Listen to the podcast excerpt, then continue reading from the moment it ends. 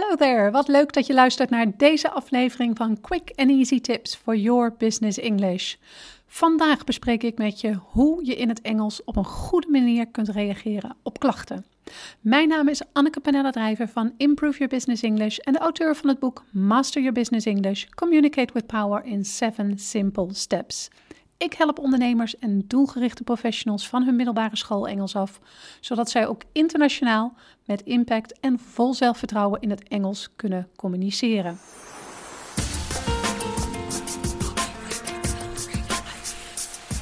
Je hebt het vast wel eens meegemaakt. Klanten met een klacht. En deze klachten kunnen terecht zijn, zoals bijvoorbeeld bij miscommunicatie, verkeerde informatie of als er gewoon echt iets mis is met een product. Maar het gebeurt ook vaak genoeg dat een klacht onterecht is en dat je zelf niets aan de fout kunt doen. En dat gaat vaak gepaard met gefrustreerde gevoelens, zowel bij jou als bij de klant. Probeer dan maar eens beleefd te blijven en de klacht goed op te lossen in het Engels. Vergeet alleen niet dat in de ogen van een klant de klacht altijd terecht is. En een klant wiens klacht niet serieus genomen wordt, vertelt dit maar al te graag aan anderen. Denk maar eens aan boze klanten die een bericht op Facebook zetten, openbaar voor de hele wereld. En dat is het soort slechte reclame voor je bedrijf dat je absoluut niet wilt. Om dat te voorkomen is het belangrijk om alle klachten serieus te nemen en er goed mee om te gaan. Maar in het Engels kun je klachtenafhandeling niet op precies dezelfde manier aanpakken als in het Nederlands. Engelstalige klachten zijn ten eerste sowieso moeilijker omdat je niet 100% vertrouwd bent met de taal, maar wij Nederlanders zijn ook vaak te bot in het Engels. Dus waar moet je nu op letten als je omgaat met internationale klachten? In deze podcast geef ik je stap voor stap toepasbare voorbeelden die je een eind op weg helpen om zowel beleefd als begripvol over te komen in het Engels. Acht stappen om een klacht in het Engels correct af te handelen. Stap 1.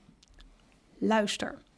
Stel je zakelijk op en laat de klant het verhaal doen. Als je een klacht krijgt via de mail, zorg er dan voor dat je precies snapt wat de klant bedoelt.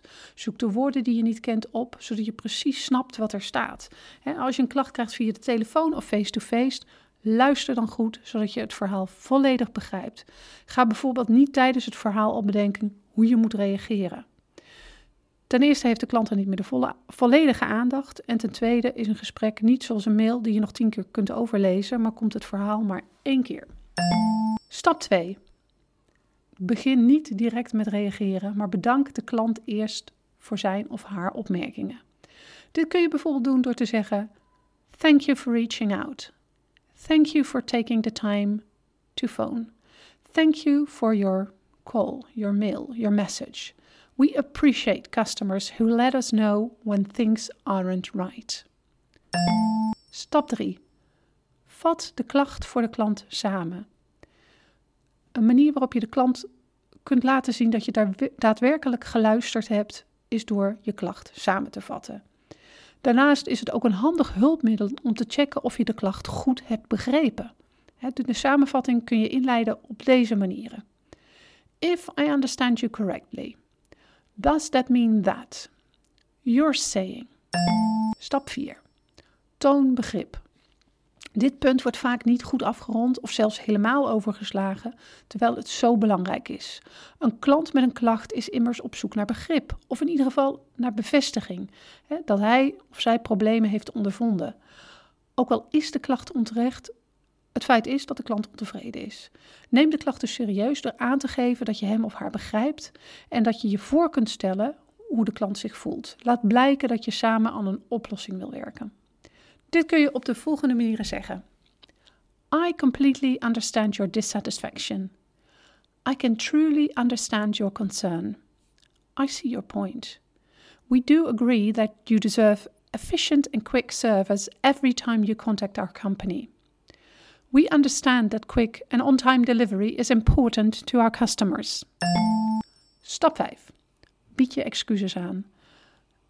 Een excuus kan vaak een hoop woede verzachten. Zelfs als een klacht onterecht is, kun je in ieder geval excuses aanbieden voor de onvrede of de tijd die de klant in de klacht heeft moeten steken.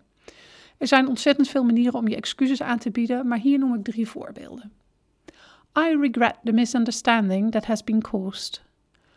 I'm sorry that you have experienced. Please accept my sincere apologies. Stap 6. Explain. Leg altijd uit waarom iets mis is gegaan. Here's what happened. Stap 7. Kom met een oplossing. Soms ligt de oplossing voor de hand en kun je de klacht direct oplossen. Soms is de oplossing om de klant te beloven dat dit probleem in de toekomst niet meer zal voorkomen. En soms is er op het moment even geen oplossing. Communiceer in ieder geval duidelijk naar de klant toe wat volgens jou op dit moment de oplossing is. Voorbeelden van zinnen die je daarbij kunt gebruiken zijn: I'd like to reassure you that we are working right now to find a better solution. We don't want this to happen again. I'm going to make sure everyone in our company hears your story. I cannot give you a thorough explanation at present, but I assure you that we are looking into the matter. I'm going to see how we can make this better for you. I'm going to investigate what happened and I will get back to you within so many days. Stap 8. Turn that frown upside down. Verander eventueel resterende boosheid in tevredenheid. En dit doe je bijvoorbeeld door te eindigen met een positieve zin, zoals Let me know if there's anything else I can do for you. I'm happy to help. Heb je het gevoel dat de klant desondanks nog niet helemaal tevreden is? Bied de klant dan een extraatje aan. Dit zorgt er hopelijk voor dat de klant positief kan terugdenken aan de situatie. Dat kun je doen door deze zinnen te gebruiken. As a gesture of goodwill. As a token of our appreciation we would like to offer, I'm enclosing a small gift which I hope will somehow compensate for the inconvenience you have experienced. Due to the inconvenience we have caused you, to make up for this. En dit waren ze. De acht stappen voor klachtafhandeling in het Engels. Ik zet ze nog één keer voor je op een rijtje. Stap 1. Luister. Doe alles wat je kunt om ervoor te zorgen dat je je klant goed begrijpt. Stap 2. Bedank de klant voor zijn of haar opmerkingen. Stap 3. Vat de klacht samen. Stap 4. Toon begrip. Stap 5. Bied je excuses aan. Stap 6. Leg uit wat of waarom iets is misgegaan. Stap 7. Kom met een oplossing. En stap 8. Turn that frown upside down.